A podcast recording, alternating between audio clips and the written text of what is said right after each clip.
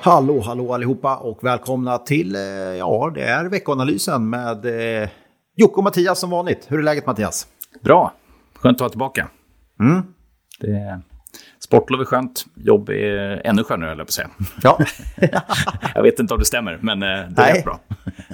Eh, Eftersom våra arbetsgivare kanske lyssnar på det här så Ja. det lät mycket bra. Jag instämmer, fullt ut. Härligt. Fullt ut. Ja, det, även om det varit lite sportlovsledigt så det har inte varit brist på nyhetsflöde att analysera direkt. Nej, det tog ju tyvärr det roliga slut i starten. Mm. Nej, men det är ju ja, det är katastrof liksom så sett. Alltså det är inte kul att, att hänga med, och vilket man ju självklart gör. Och känner sig liksom tvungen till, men det är ju ingen munter läsning liksom. Så är det ju. Sen är ju inte allt marknadsrelaterat för oss, eh, utan det är väl mer det allmänna eh, som man... Ja, det är besvärligt att läsa om. Ja. Eh, tror du att man läser, eh, läser man för mycket? Ska man, eh, jag vet inte, Ska man göra det- sådana tillfällen? Nej, jag vet inte. Jag, alltså, jag tycker alltid när det är en stor händelse, oavsett om det är marknadspåverkande eller om det är något annat stort som händer, så det kan vara Brexit, det kan vara något annat, så, så är man på och läser mer än vad man brukar göra. Jag funkar i alla fall så. Ehm, Ja, jag mycket tid går åt till liksom, att scrolla nyheter helt enkelt. Ja. Du, det har varit mycket, ja, det har varit fokus på många saker. Oljan är förstås mycket i fokus. Eh, Mm.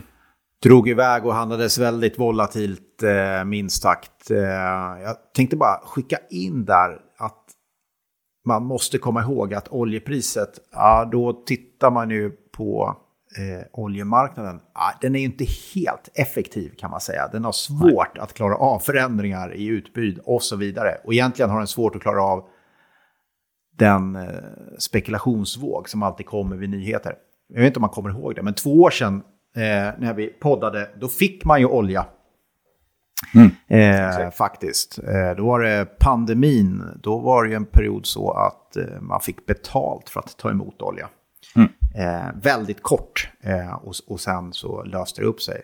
Eh, jag tycker man ska ha med sig det lite när man pratar om eh, eh, handeln i terminer på olja eller vete för den delen också. Att det är svårt att säga vad det kommer ramla ut i om man bara ska titta på hur volatil marknaden är vid, visst, vid ett visst tillfälle.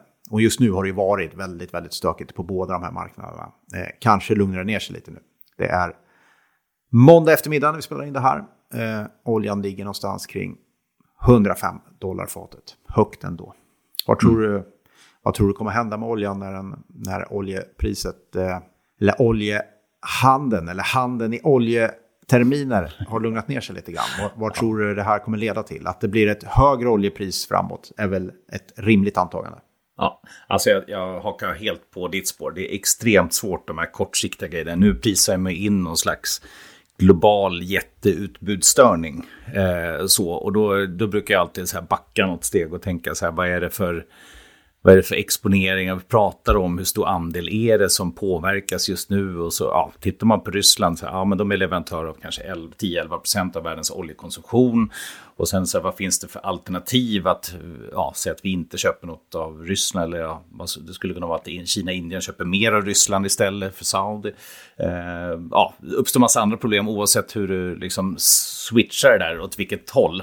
Eh, som du inte vet ändå. Det som är säkert i alla fall är ju att om man jämför oljepris nu och oljepris lite, ja, vad ska jag säga då, alltså typ oljekris och ja, många, många år sedan, så är det ju så att det har ju vridits runt lite, framförallt då den amerikanska ekonomin som är så pass stor. Där har man ju mycket mer domestik produktion och påverkan på oljepriser som går upp är ju inte alls lika stor som det var förut. Man brukar ju förut i alla fall säga så här, men går det upp typ 10 dollar så, ehm, så påverkas ju amerikansk ekonomi, alltså BNP med typ en halv procentenhet. Eh, Nu pratar man väl snarare kanske om det går upp 20 dollar så blir det 0,2-0,3 effekt.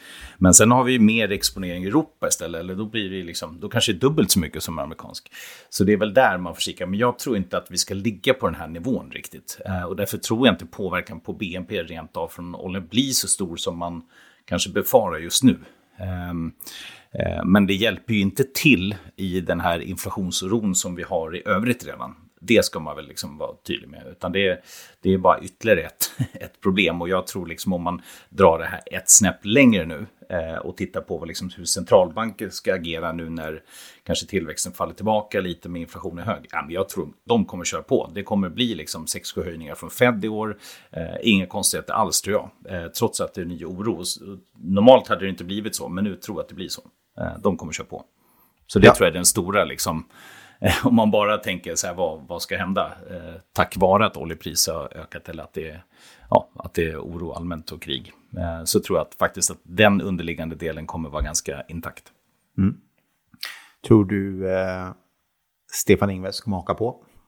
Det tror jag absolut. Mm. Eh, kanske inte riktigt nu, det är lite för tidigt, men ja. eh, det tror jag absolut. Nu har vi fått in eh, KPIF-siffror för Sverige, absolut på ganska höga nivåer. Eh, 4,5 procent. Och eh, det är ju, där ser vi också energipriser och livsmedelspriser som driver upp. Och självklart, alltså det är bara att titta på, på svenska räntemarknaden. Eh, tittar vi på svensk eh, femåring till exempel, ja, den ligger på 0,6. Den eh, låg på 0,2 för någon vecka sedan. Liksom. Ehm, en svensk tvååring, ja men det är på positiv nivå var negativ förut. Tioåring på 0,7. Ja, men det, det, stiger räntorna och ja, man börjar prisa in att det kommer. Eh, så jag tror absolut det. Och även om vi tittar i Europa där ju, ja, där kanske tillväxten kommer mattas med, så jag tror definitivt att det, eh, att det kommer komma till ett läge där man, eh, där man höjer eh, räntan framöver, även om man den här gången vid ECB-mötet senast eh, kommunicerade en oförändrad ränta.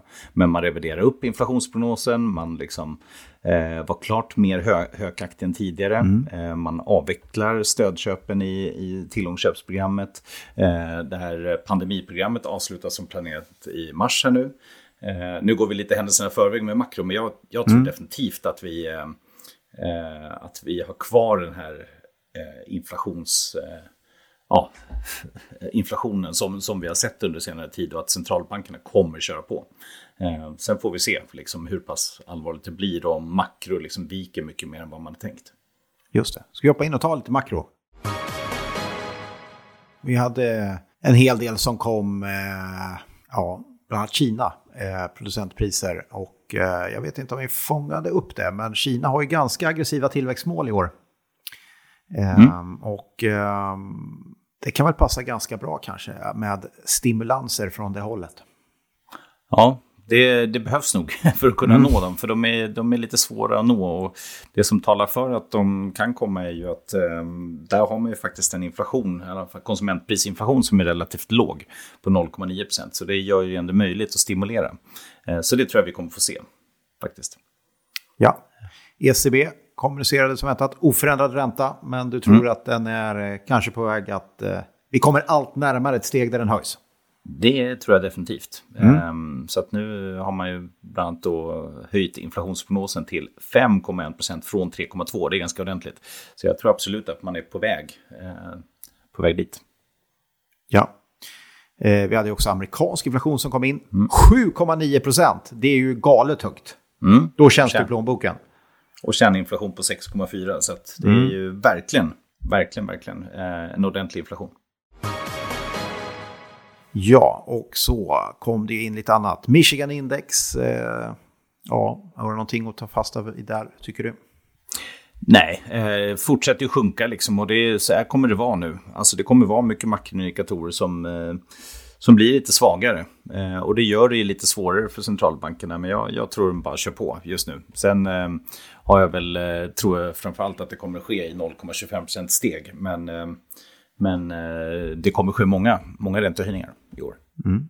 Eh, då ska vi se, ja, vad kan vi ta om finansmarknaden den här veckan som kommer? Nej, man ska nog räkna med att det fortsatt slagit. Volatiliteten lär eh, vara kvar, även om det känns att den där första chocken är vi kanske förbi. Eh, men man kan konstatera att eh, Stockholmsbörsen och de andra börserna också har tagit igen en hel del av det initiala fallet. Det har gått ganska fort uppåt här sista veckan. Mm. Det, och det är ju som alltså, extremt stor skillnad eh, liksom, fortfarande mellan nordiska börser, eller framförallt svenska då, och, och de globala. de globala är ju faktiskt ner en 6% räknat i kronor. Det ser mm. inte alls så, så allvarligt ut medan Stockholm, ja, nu vet jag inte vad aktuellt är, men säg att det är runt 17-18 eh, någonting ner. Eh, och det är ju, eh, ja, det, det är ju som vi har nämnt, eller sagt många gånger tidigare, det är en mer cyklisk börs som drabbas mer när det viker. Och det ser vi på kronan också, att det, den är svag nu. Det är, och det är dollarn som stärks. Så det är precis som vanligt när det är lite krigsoro eller när det är ja, orostider allmänt. Tycker du någonting man ska parera? Eller ska man, eh, om, nu har smällen redan tagits så kanske man helt enkelt kan vänta på att, eh, att eh, pendeln svänger tillbaka. Nej, men jag tycker att eh, alltså för de som ännu inte har sett över sin lite mer långsiktiga strategi så är det fortfarande värt att göra det. Jag vet inte hur ofta jag hör det argumentet att man behöver bara äga en, en svensk indexfond så löser det sig på sikt. Ja, men du kommer drabbas hårdare, du kommer ha större svängningar. Det finns ett värde att, att titta mer globalt, det finns ett värde att kanske under vissa tider se över sektorer man investerar i. Eh, nu är det ju klassiskt att energi naturligtvis går bra, det är ju ett lite mer specifikt problem, men säg andra mer defensiva sektorer som hälsovård som har en bra tillväxt och som inte påverkas av det här, snarare positivt. Eh, så att, ja, det, det finns nog fortfarande bra skäl att se över den allmänna exponeringen i portföljen. Mm. Du ska hoppa in på makroområdet. Kommer det något spännande? Ja, det gör det väl varje vecka antar jag. Men mm. eh, något specifikt som dyker upp just den här veckan? Ja, alltså det kommer eh, bland annat då SEB-index för både Tyskland och eh, eurozonen. Ehm, och det är ju det här ja, allmänt kring affärsklimatet och ehm, det är ju, väntas ju sjunka tyvärr. Det är ju, det är ju som, som väntat att det, det kommer bli svagare nivåer där. Eh, sen så kommer en del amerikansk data, eh, detalj, detaljhandeln som väntas öka med 1 eh, och sen så har vi också industriproduktion och Filifed-index för mars som kommer. Så att eh, det, det, är väl de siffror som väntas. Sen är ju fokus är ju Feds räntebesked, eh, självklart. Och där är ju just nu så tror jag att kanske 25 punkter är mest rimligt, även om 50 inte är helt omöjligt. Mm. Spännande. Är det någonting annat som du tycker man ska ha med sig den här eh, veckan? Eh, nej, inte direkt. Alltså, verkligen hålla koll fortsatt på kanske marknader. Så om det skulle komma en, en sväng till neråt och fånga upp sånt som ser ja, för nedkört ut på kort sikt om man säger. För det, det finns lite möjligheter dagar då det är väldigt stökigt. Eh, och då ska man plocka upp lite kvalitet så att säga. Mm. Men eh, inte i övrigt noterar. Vi brukar ju ta upp en, någon marknad ibland så här innan vi stänger butiken. Och eh, ska vi säga något om den ryska marknaden? Börsen är fortsatt stängd där eh, hela den här veckan och vi får se när den öppnar igen. Eh, jag får ganska mycket frågor om det. Eh, vad man ska göra. Ja, svaret är väl att man inte kan göra så mycket. Eh, det är låst. Så, så man får helt enkelt bara vänta och se om man nu har placerat i ryska aktier via Rysslands fonder eller om man har ett mindre innehav, kanske via en Östeuropafond och så vidare. Eh, det är eh, inte så mycket man kan agera på, är väl svaret på den frågan. Nej, precis. Och det, det, kan man ju lägga till. Alltså har man en Östeuropafond då är det ju tyvärr en hel del eh, Ryssland i det. Eh, ofta mellan runt 40 till 70 procent. Eh, men börjar man titta tillväxtmarknader lite bredare, ja men då sådana fonder, då är det ganska lite Ryssland i. Och skulle man titta på en global fond, alltså ännu bredare exponering, ja men då kan man i princip bortse från den exponeringen, då är, då är det extremt ja. liten del. Så.